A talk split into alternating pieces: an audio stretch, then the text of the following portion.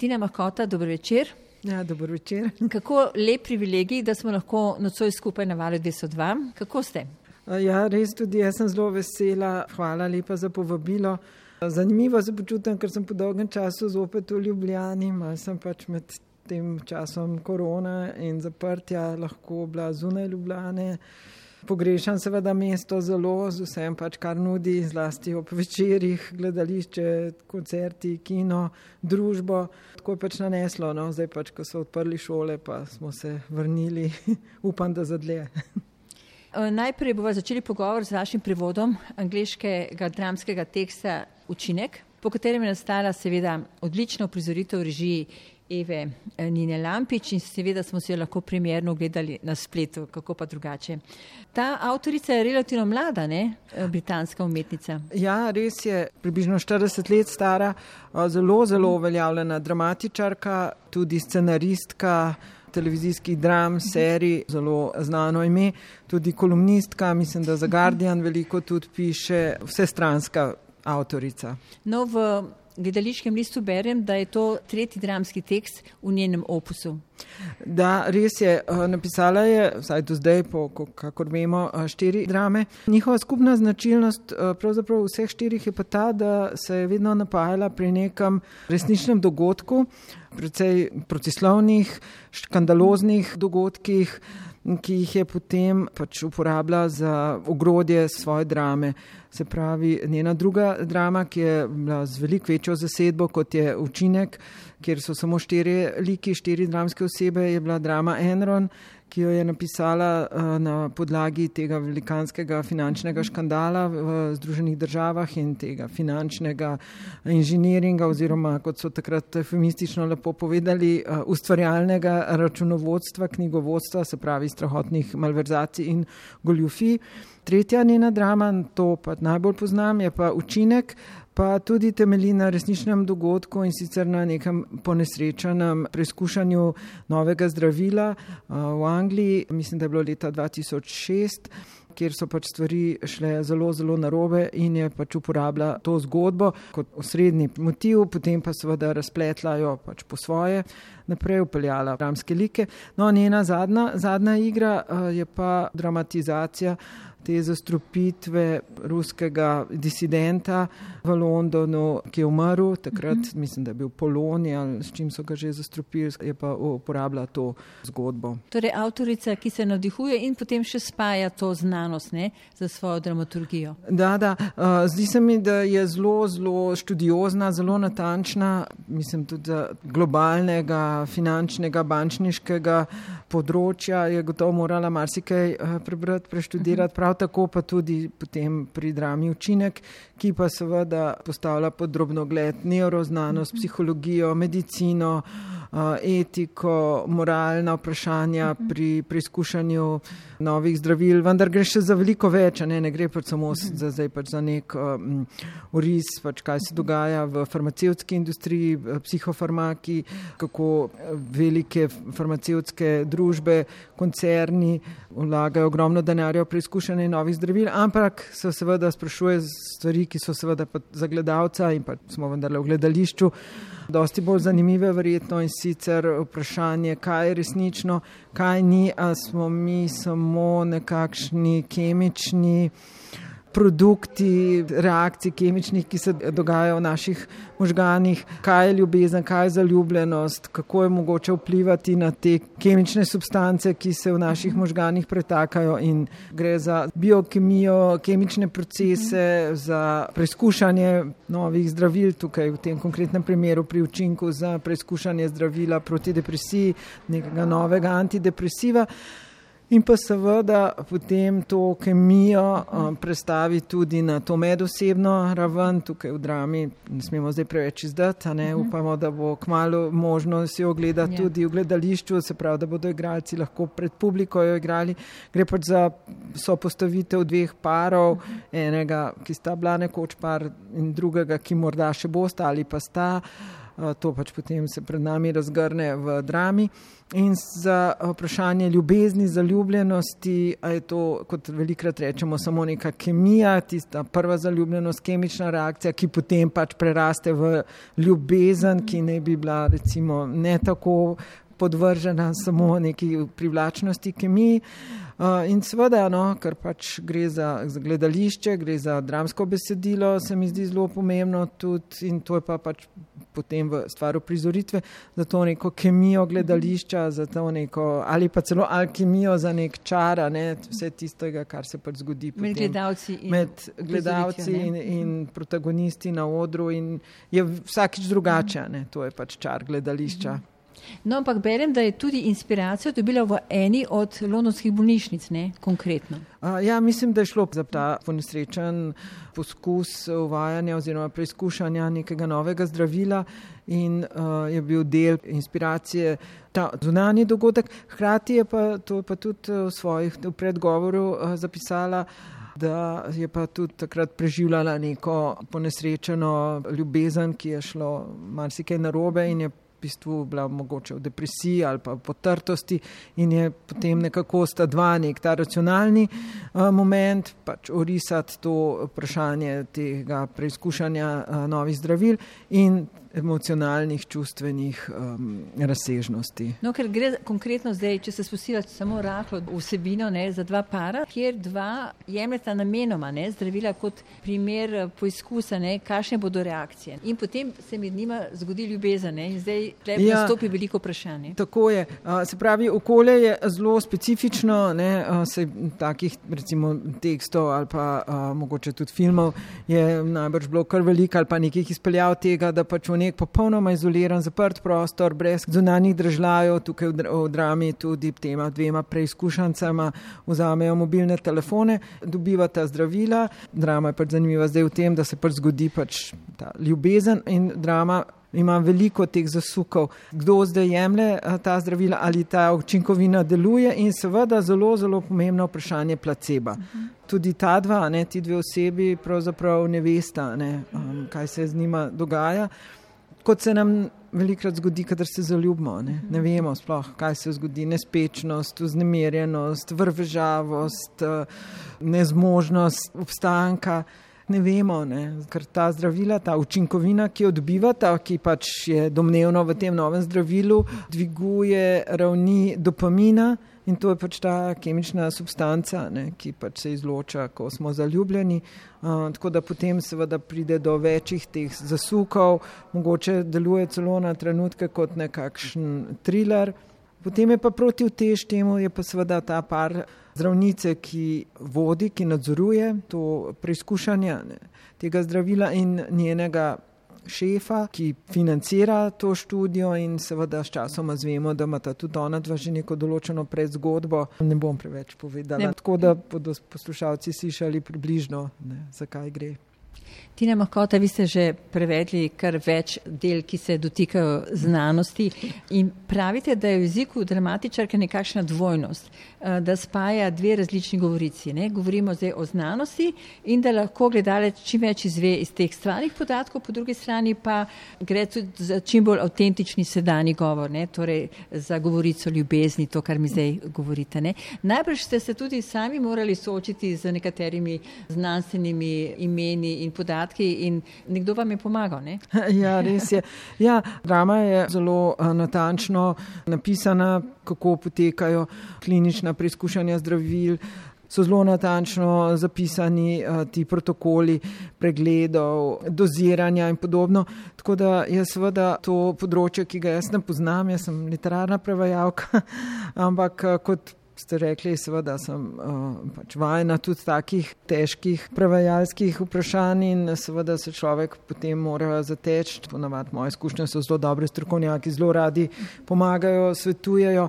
Seveda s pomočjo virov in vem, interneta in brskanja člankov človek že najde neko besedišče, treba ga je pa potem še preveriti, če je res pravilno če sem jaz pravilno razumela in potem kako se to imenuje v slovenščini. Tako da sem imela srečo, da mi je pregledal prevod in uh, svetoval prijatelj, profesor farmacije. se mu lepo zahvalim, dr. Matjaš Ravnikar iz Fakultete za farmacijo v Ljubljani, ki uh, je pregledal ta del ne, prevoda uh, replike, ki opisujejo te postopke. Kako ste se konkretno vi lotili tega prevajanja, ne? ko ste dobili ta ja. tekst v roke. No, da, ja, torej, predvsem eh, tukaj, ne, kot, kot eh, Nina, kot, kot ste že omenili, eh, je nekako dialog, ki ne bo čim bolj naraven, čim bolj avtentičen, vsakdanji bi rekla, pogovor tudi seveda med zdravnikom in pacijentom. No, tukaj imamo svojo slovenščino vedno malo težav, ker si treba odločiti, na kjeri točki se še vikajo ali se že tikajo. Včasih v angliščini treba nekako razbrati, oziroma se pozanima čisto v situacijah, ne, kdaj se recimo v slovenščini pristopi, kdaj se začne ta vika tikati. To neko spoznavanje, ta mlada človeka, tako da je seveda njuna govorica, ne bi tudi na odru zvenela čim bolj naravno, neafektirano. Drugi del je pa ta, ki je pa bil zame tukaj teži, so pa seveda vsi ti nekako povzeti izsledki dognanja o depresiji, o zdravilih, o tem, je eh, depresija endogena ali eksogena, je samo odziv na nekaj, kar se nam dogaja, ali je pač eh, stvar nekih notranjih konstelacij. Eh, tukaj pa seveda se mora zopet biti tako nekako pozorna, da ne zveni zdaj to nekako suhoparno, papirnato, ampak je seveda tudi avtorica svoje, svoje besedilo odlično napisala, da je to nekako brez nekih vidnih, nenadnih ekskurzov v nek drug diskurs, naravno upeto v pač ta govor dramskih oseb. Sem zelo vesela, videla sem eh, seveda eh, žal samo oddaleč oziroma iz domačega naslonjača predstavo. Se mi zdi, da je tudi ta govorna podoba se zelo, zelo dobro posrečila. Uh, lektorica pri predstavi je bila Klasja uh, Kovačič in uh, sem zelo, zelo bila um, očarana, no, da je to tako krasno igralcem teklo, da se je seveda razumela vse, tudi te bolj komplicirane, mislim, bolj komplicirane v smislu tega, da podajo ogromno informacij, replike, ker so nujno potrebne za to, da lahko pač gledalec sledi, da ve pač v čem je zdaj obrat, ki bo sledil. Sem bila zelo, zelo vesela, no, da, so, da so to krasno, krasno odigrali in povedali. To je zdaj že cela znanost, ki mi jo pripovedujete, ki se je tudi sami usvojili ne? in se je morali ja. na ta način predstaviti, da bo tudi Ja, ne, to, bi bilo, to bi bilo zdaj zelo, seveda, uh, malo samoljubno če ne celo kaj drugega, da bi si jaz domišljala, da jaz zdaj to resnično poznam, to področje. Seveda, pravzaprav tukaj gre pač za dramski tek, za fikcijo.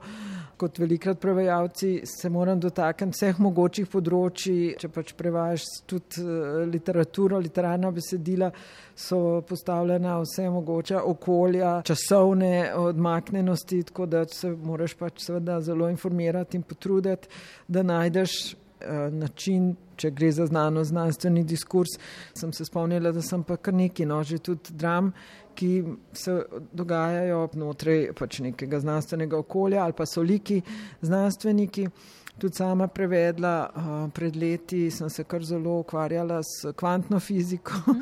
ker sem prevedla dramo Kebenhaven, fantastičen tekst Michaela Freyna o resničnem srečanju med Heisenbergom in Nilsom Borom med uh, drugo svetovno vojno. In, je seveda ogromno uh, bilo pač fizike in uh, je zelo pomagal um, takrat Andrej Detela, ker je bilo veliko atomske fizike v tem besedilu.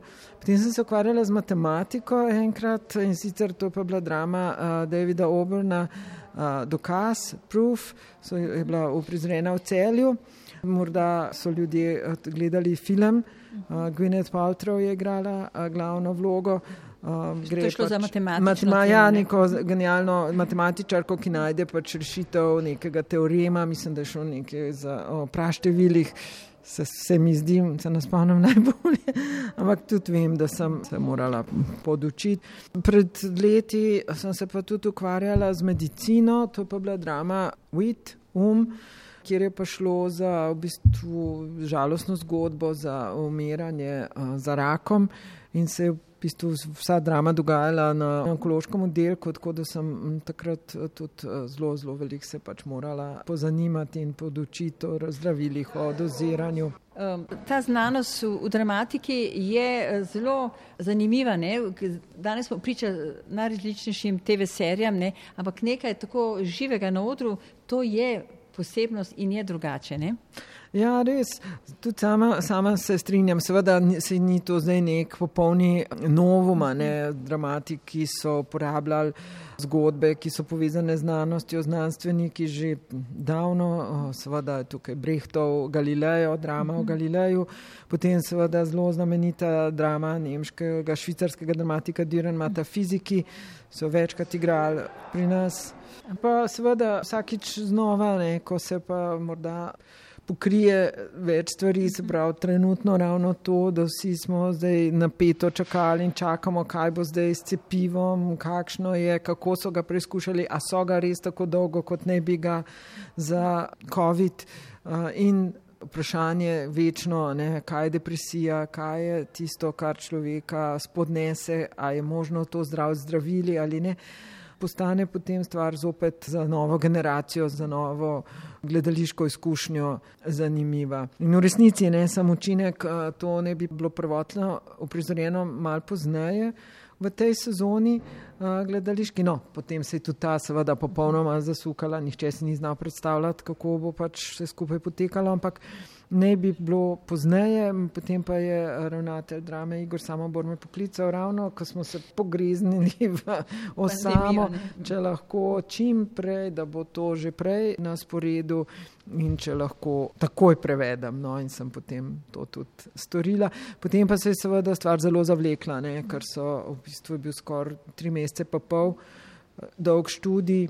Začel se je v tistem bežnem medčasju, ko je bilo možno mečkan se spet srečevati in so začeli z vajami v drami za mizo, z upoštevanjem vseh možnih varnostnih ukrepov in je potem bila premjera skoraj tri mesece po, po, po začetku študija. Tina, vi ste tudi z vašim delom prevajanja nekako ustvarili neke vrste kemijo, ki je pripomogla pri ustvarjanju te predstave in k odlični prizoritvi, ne? Ker igra je napisana v nekakšni kot ste sami rekli, filmski maniri, dramaturgiji, kjer se napeto stopnjuje do konca in seveda to izzivalno vprašanje, ki je nenehno odprto, vprašanje ljubezni, kaj zdaj to stane zaljubljenosti, ne? sploh pa, če tle govorimo zdaj o takih kemiji in vsega, kar se dogaja, kar ne bomo zdaj izdali. Ne? Ta igra res dejansko nam da še več misli, več razmišljanja, več vprašanj, ker se pač dotika človeka, ki ga postavlja v središče dogajanja. Ne? Vse je zaradi človeka in ob človeku. Ne? Res je, ne? sej mislim tudi ta kot nekšen moto ne? je napisala Lucy Prebel, da je to drama za štiri osebe v ljubezni in v žalosti.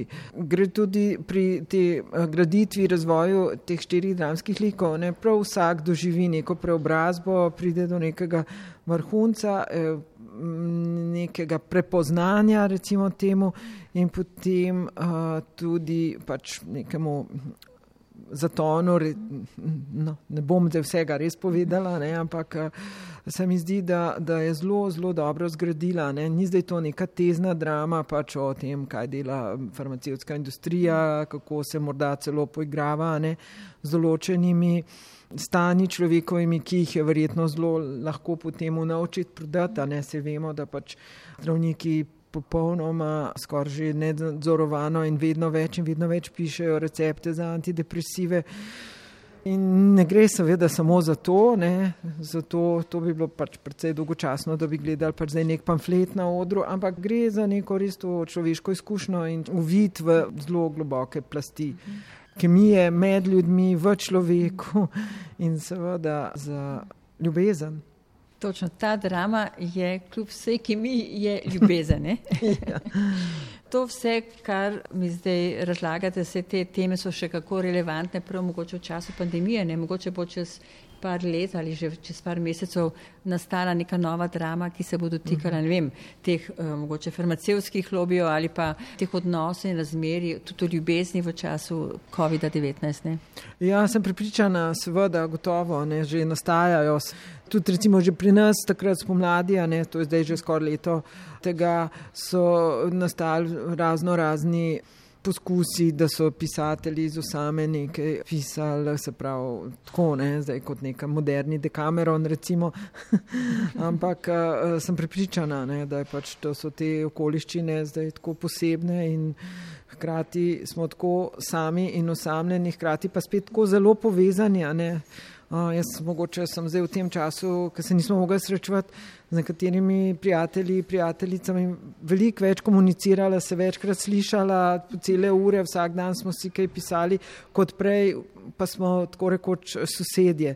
Tako da se mi zdi zelo, zelo posebno, zelo neenavadno, ne, kako je to zarezalo v nas in nas seveda osamilo, pa po drugi strani pa spet zbližalo na nek nenavaden način, mogoče tudi z ljudmi, ki prej so se nam zdeli tako zelo blizu, vse se itak srečamo, vidimo, no, pa se pa meseci trajajo, ko se zopet, zdaj pa smo lahko bili povezani spet na nek, na nek drug način. Tako da gotovo so zelo zanimive eh, stvari, ki nas še čakajo, upam. Tina Makota, morda za konec eh, tega najnega pogovora. Eh, dvakrat eh, sem vas gostila na valu 202. Prvič, ko smo gostili v Sloveniji oziroma na filozofski fakulteti, je bil irski pisatelj Rodi Doyle ne, in takrat ste ga vi predstavila vsem študentom in tudi meni. Ne. In takrat smo ga skupaj z vašo pomočjo prevoda smo ga predstavili v časopisu Razgledi. Ne. Predlani, še malo več, pa je bil seveda gost Škofiloške založbe, Aha, založbe Zala, ne? Ja. Škofilok in takrat ste mi pa simultano prevali vas pogovor in tisto je bilo odlično, res. Zelo sem vesela, ker ste omenili ravno Rodija Dola, zato ker sem pravkar včeraj sem mu dala prevod ene njegove knjige za Zalo, za založbo. To je bilo leta 2018. 2018 je bilo, ja. Že takrat smo se dogovorili, da bi prevedla za Zalo njena ustanoviteljica, neumorna urednica, prevajalka, lektorica, korektorica Mateja Sužnik, se odločila, da bo izdala še eno njegovo knjigo in sem jo pravkar oddala. In sicer je to mladinski roman Divina, zelo, zelo uh, lepo napisana knjiga, mal postolovska, mal tudi psihološka, bo išla v najkrajšem času pri založbi Zala. A vas lahko sam še nekaj vprašam? Gledala sem vas v oddaji Joker, ne? ko ste se prijavili in vem, da mi je bil to dogodek par excellence, da sem uh, tekla domov, da ja ne bom zamudila niti minute. To je bil res tak zelo zanimiv večer. Kako pa ste se vi počutili? Grozno tremo, sem imela strašno, čist eh, prvih par odgovorov, še sama svojega glasu nisem prepoznala in vsi, ki me poznajo, so rekli, si pa imela tremo. Ne?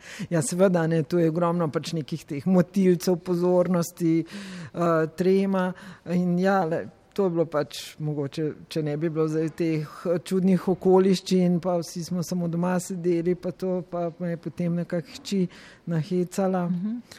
da je prijav se ne. No in moram reči, da sem se zato, ker sem zaupala voditelju, zelo ga cenim, zelo spoštujem Marijo Galunič, res izjemno lepo vodi to vdajo, res je uh, profesionalen, uspoštljiv, uh, uljuden. Uh, poznal je še mojo mamo, jo je vabil še leta, leta tega v svoje oddaje. In uh, se mi je zdelo zelo lepo, da je pač uh, to uspelo, da je najno srečanje.